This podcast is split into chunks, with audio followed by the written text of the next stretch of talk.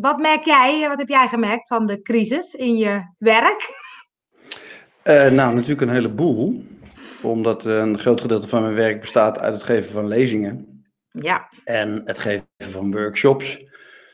Ehm, dus ja, dat is natuurlijk gewoon in één keer stilgevallen. Ja. Ja. Ja, en wat gebeurt er dan met je? Want het gaat over je vibe volgen. Hoe doe je dat dan? Als je opeens merkt van, oh jee, mijn hele business uh, gaat onderuit, bij wijze van. Mm, nou, dat heb ik wel moeten leren. Uh, ik, heb, uh, ik heb mezelf al een aantal maal uit moeten vinden in dit leven. En ik merk dat je daar dus dan beter in wordt. Ja. Ehm, dus ik blijf vooral heel rustig. En ik ga vooral nadenken over wat ik met die tijd kan doen.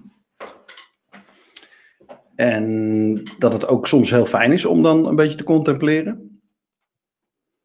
Dus dat is wat ik doe. Ik, ga, ik volg gewoon eigenlijk mijn gevoel. Ehm, en in mijn geval is het ook wel zo dat, uh, dat omdat ik niet één ding doe, hè, dus ik, ik schrijf.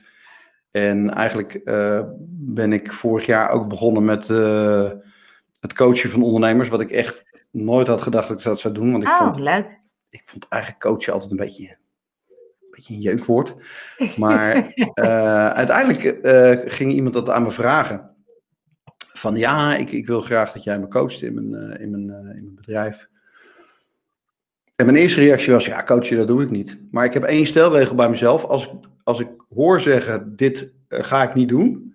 Of hier doe ik niet aan. Of Um, en dat gaat zelfs zover als ik het gevoel heb dat ik iemand niet wil spreken, dat ik de afspraak met mezelf heb om het dan juist wel te doen.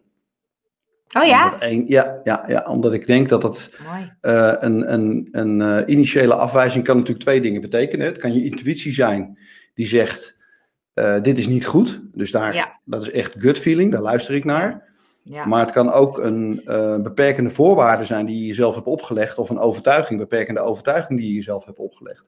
Waardoor je zegt van nou oké, die doe ik niet. En daar heb ik eigenlijk voor mezelf een soort truc voor bedacht. Van uh, ja, uh, als, ik, als ik dat voel, dan ga ik het juist wel proberen. En dan is het gewoon voor jou van ik probeer het. En dan kan je alsnog zeggen, oh het was toch intuïtie, dit is niet mijn ding. Of je ontdekt dat het juist een soort drempel was of zo. Nou ja, dat ontdek je dan. Ja. Um, daarnaast is het zo als je veel verschillende dingen probeert.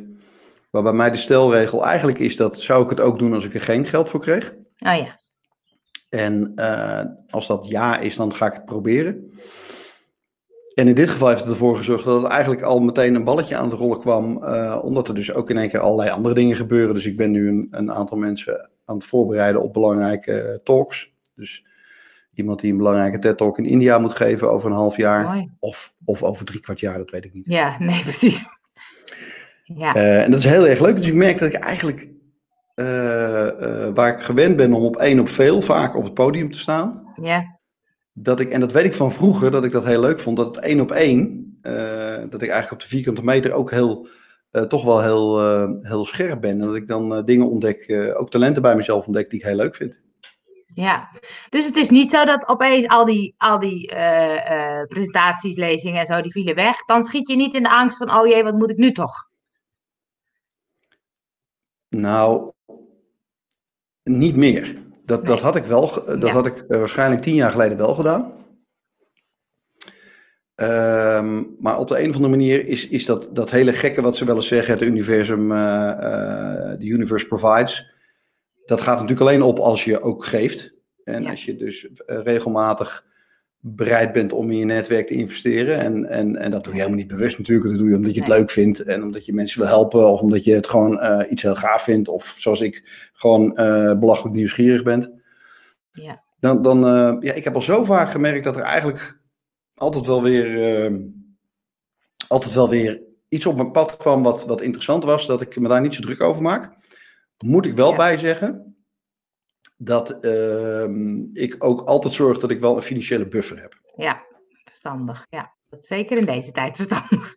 Ja, ja. Ja, en dan kun je dan ja, ja. heel, eh, eh, eh, dan kun je natuurlijk, is dat niet leuk, want dan, ja, eigenlijk had je misschien alweer een andere bestemming voor het geld, of Ja. ik dacht, dat ga ik hier of hier, of ik wil een nieuwe badkamer, of, eh, ehm, maar ik, ik, heb, ik, ik ben echt iemand die telt zijn zegeningen en dan denkt van nou, Ja. god, fijn dat we dat hebben en dan hoeven we ons niet zo druk te maken. En, ehm, en mijn vrouw Ja. heeft natuurlijk ook een, eh, een bedrijf, zoals je weet, een yoga studio. Ja. Ja, Dus zijn we vooral heel druk geweest om dat, eh, om dat goed online te krijgen. En dat, dat ja. gelukkig heel goed uit. Dus ja, weet je, we zijn altijd wel met dingen bezig. Ik ben nu met weer een paar hele leuke projecten bezig. Dus eh, ja.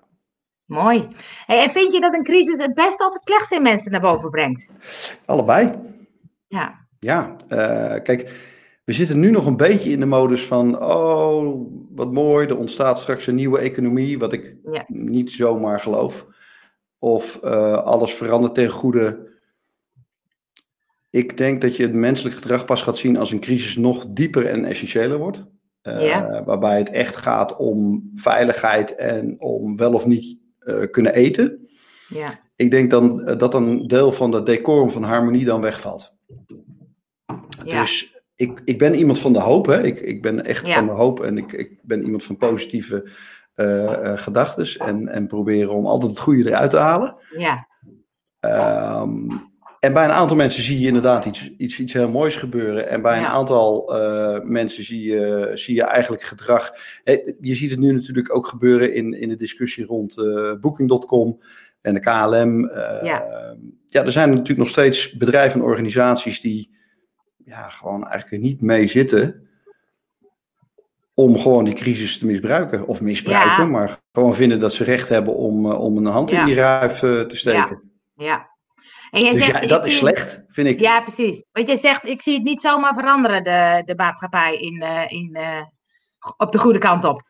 Nee, nee, nee, nee. Nee, ik denk dat je daar. Kijk, een systeem verandert pas op het moment dat het systeem, eh, zeg maar, echt onderuit gaat. Wat we vaak vergeten is dat een systeem is, is opgebouwd en gemaakt om zichzelf te beveiligen. En dus in stand te blijven.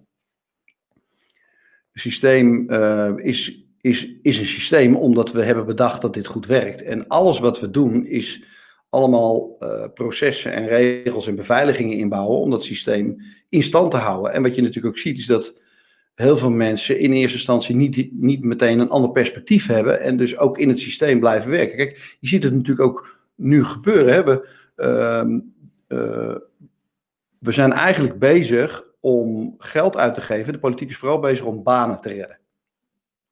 Waarbij je je af kan vragen, essentieel, of die banen gered moeten worden. Ik zeg niet dat die mensen geen inkomen moeten hebben. Ja, maar we schieten in de, Ja, in de, ja. in de, in de reflex van, oh, we moeten banen redden. We schieten in de reflex van, we moeten KLM redden. En ik, en ik begrijp dat het een belangrijk icoon is. En ik snap ook dat er, ehm, dat het, dat er heel veel strategische eh, overwegingen zijn om KLM overeind te houden. Maar je ziet wel dat de meeste investeringen gebaseerd zijn op de status quo handhaven. Dat is waarop nu geïnvest- geïnvesteerd wordt. En dat is logisch. Want het is natuurlijk bijzonder moeilijk om van een politicus of een, of een, of een, eh, een, een, een, een staatshoofd te vragen om te investeren in een toekomst waarvan niemand weet hoe die eruit ziet. Dat zou, dat zou natuurlijk een dat zou politieke eh, zelfmoord zijn. Ja, En ehm, wat, ik, wat ik me wel voor kan stellen, is dat we op een aantal punten gaan zien, hè, daar ben ik wel positief over, dat het, eh, zeg maar de digitale vaardigheid van mensen omhoog gaat. Ehm, gedwongen, hè? eh, ik, laatst heb ik een, heb ik een LinkedIn-post geschreven eh, van de, di- digital of digital tra- transformation is ehm, eh, nou ja, in ieder geval het kwam erop neer, is, oh ja, is, is inspired on C-level, not, on, uh, oh, not by the CEO or the CIO, but on uh, uh, COVID-19. Dus normaal gesproken zou digitalisering natuurlijk en, en digitale vaardigheden en, het, en de Ja. transformatie in het thuiswerken eh, op strategisch niveau ingezet moeten worden. ja precies. Op Ja. C-level. En Ja. het gebeurt dus ook op C-level. En Ja. dus dat vind ik wel iets positiefs. ja, Ehm, ik hoop oprecht dat we gaan zien dat mensen een combinatie gaan maken van: hey, verrek, misschien is het prima om alleen op woensdag of om alleen op vrijdag naar het kantoor te gaan. ehm, ja, en, en de rest van de tijd eh, thuis te werken. ja, precies. Aan de andere kant zul je waarschijnlijk zien dat als we niet meer de hele dag hoeven te zoomen, dat mensen ook heel blij zijn als ze niet meer de hele dag hoeven te zoomen. Dat we gewoon weer wat mensen kunnen zien.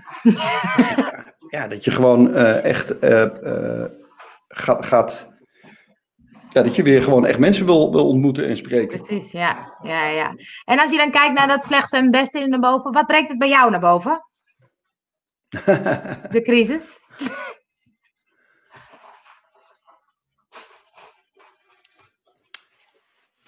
Wat ik ontdekt heb, is dat ik uh, het ondernemen gemist heb. Uh, dus ik merk dat ik het, uh, het ondernemen. Dus ik heb een paar projecten opgezet, samen met een aantal anderen, waaronder Doneerdiner, waarbij we mensen vragen om bonnen te kopen bij de horecakamer, die doneren wij meteen weer naar de zorg. Dus we hebben een stichting opgericht waarbij we, zeg maar ja, gewoon een mes wat aan twee kanten snijdt. Ja, mooi. Uh, echt heel erg leuk.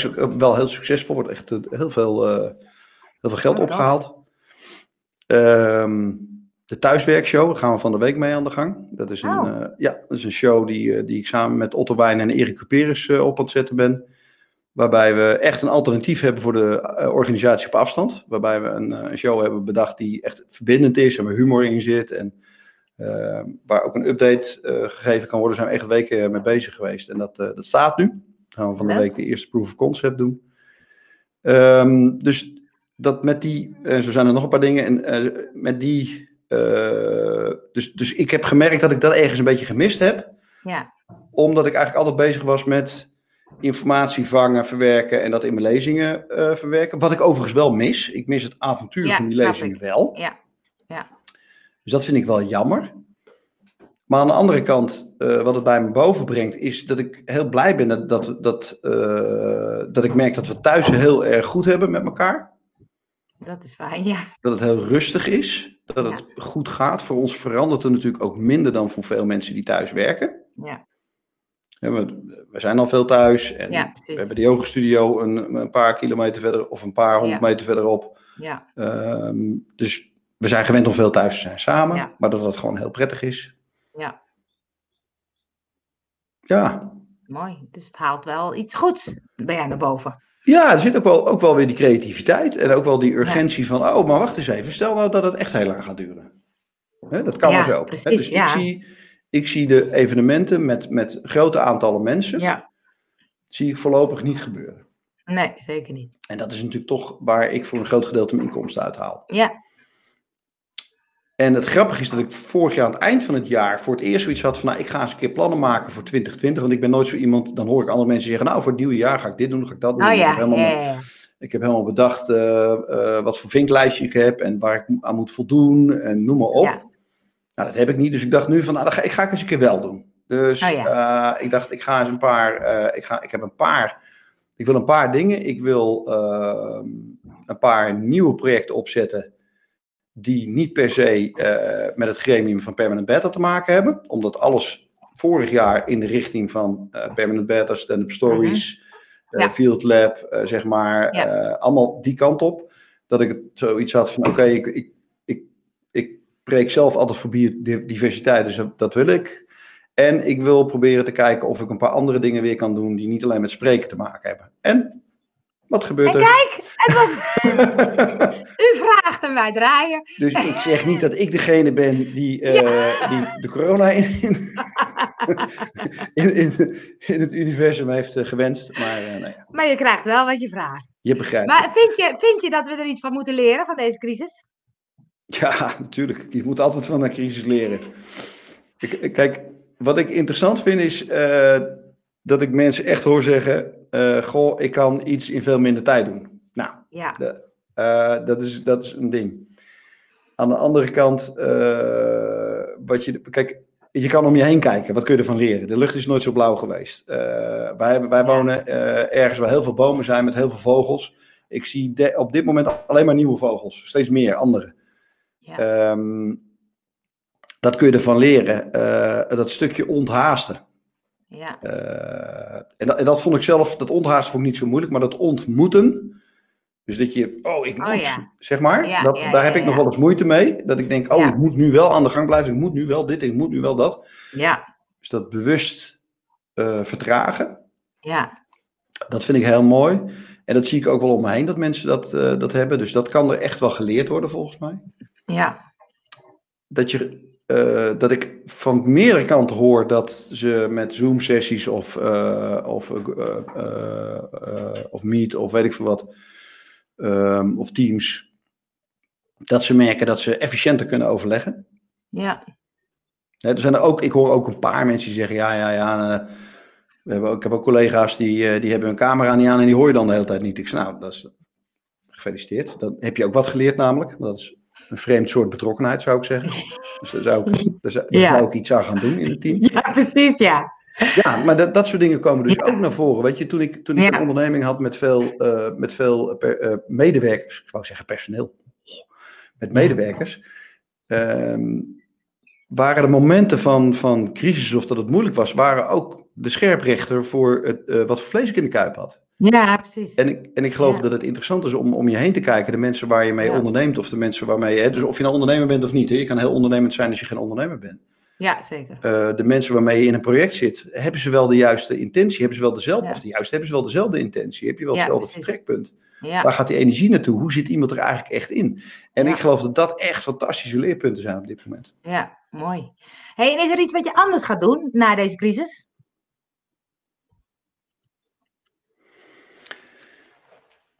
Ja, ik uh, zal. Mm, ik zal het, die, wat ik nu dus heel duidelijk voel, dat ik dat die projecten interessant vind. Ja. Dat zal ik wel, uh, wel, wel zo anders blijven doen. Dus ik heb, ik heb ook een tijdje echt alleen maar met die, met die lezingen bezig gehouden. Wat, wat natuurlijk ook hartstikke leuk is en wat je ook moet doen. Want als je daar ja. uh, on top of mind wil blijven, moet je daar wel, wel, wel aan werken. Ja. Dat. Um, thuis is het ook goed. Dat, heb ik, dat wist ik al, maar het is misschien nog wel iets beter.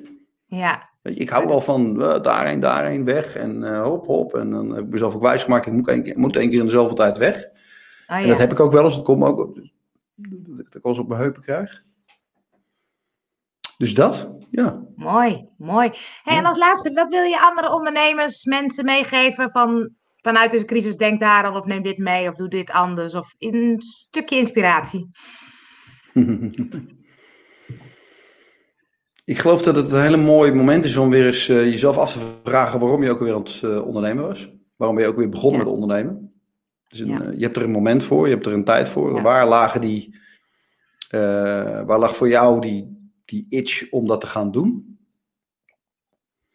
Ga daar naar terug. dat geeft je meteen een mooie richtlijn of misschien een, een, een kompas als je nu twijfelt over je businessmodel. Dat je kan denken van, ja, oké, okay, maar, maar ik ben nu in dit businessmodel terechtgekomen, maar dat was niet per se de reden waarom ik ben gaan ondernemen. Misschien, ja. Uh, misschien is, dat, is pas die reden wel heel anders en ben ik die onderweg een beetje kwijtgeraakt. Ja. Dus dat is natuurlijk interessant. Het, je gaat natuurlijk heel snel nu focussen op uh, het geld voor volgende maand. En dat is niet meer dan logisch. En dat ja. moet je ook doen. Ja.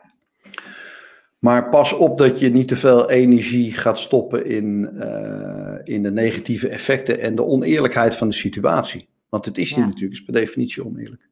Ja. ja. Um, dus ik zou zeggen, gebruik deze tijd om te contempleren. Gebruik deze tijd om, om echt uh, na te denken over, over waarom wil ik ook weer ondernemen en welke waarde heb ik intrinsiek te brengen. Want die kan namelijk heel vaak op meerdere plekken tegelijk liggen. Ja. En je waarde die je toevoegt, die kan in verschillende businessmodellen. Vaak doen mensen met jouw zaak omdat jij uniek bent. Ja. Weet je, niet omdat jij een product hebt wat iemand anders niet heeft. Heel veel ondernemers denken dat, van ja, maar wat ik doe, dat kan echt niemand anders. Nou, sorry ja, uh, schat, maar wat jij doet, dat kunnen echt fucking veel andere mensen. De ja. manier waarop jij dat doet, kunnen waarschijnlijk niet zo heel veel mensen. Ja, ja. En uh, als je daar naartoe teruggaat, dan denk ik dat je altijd wel weer uh, in staat bent om jezelf opnieuw uit te vinden en relevant te blijven. En op die manier weer, uh, weer gewoon je, je, je centjes te verdienen. Ja, dus vooral je eigen, je eigen vibe blijven volgen. Hè? Dus dat naar binnen toe vind ik mo mooi dat je zegt, hé, hey, waarom ben je ooit begonnen? Wat is nou die, die energie die klopt of zo?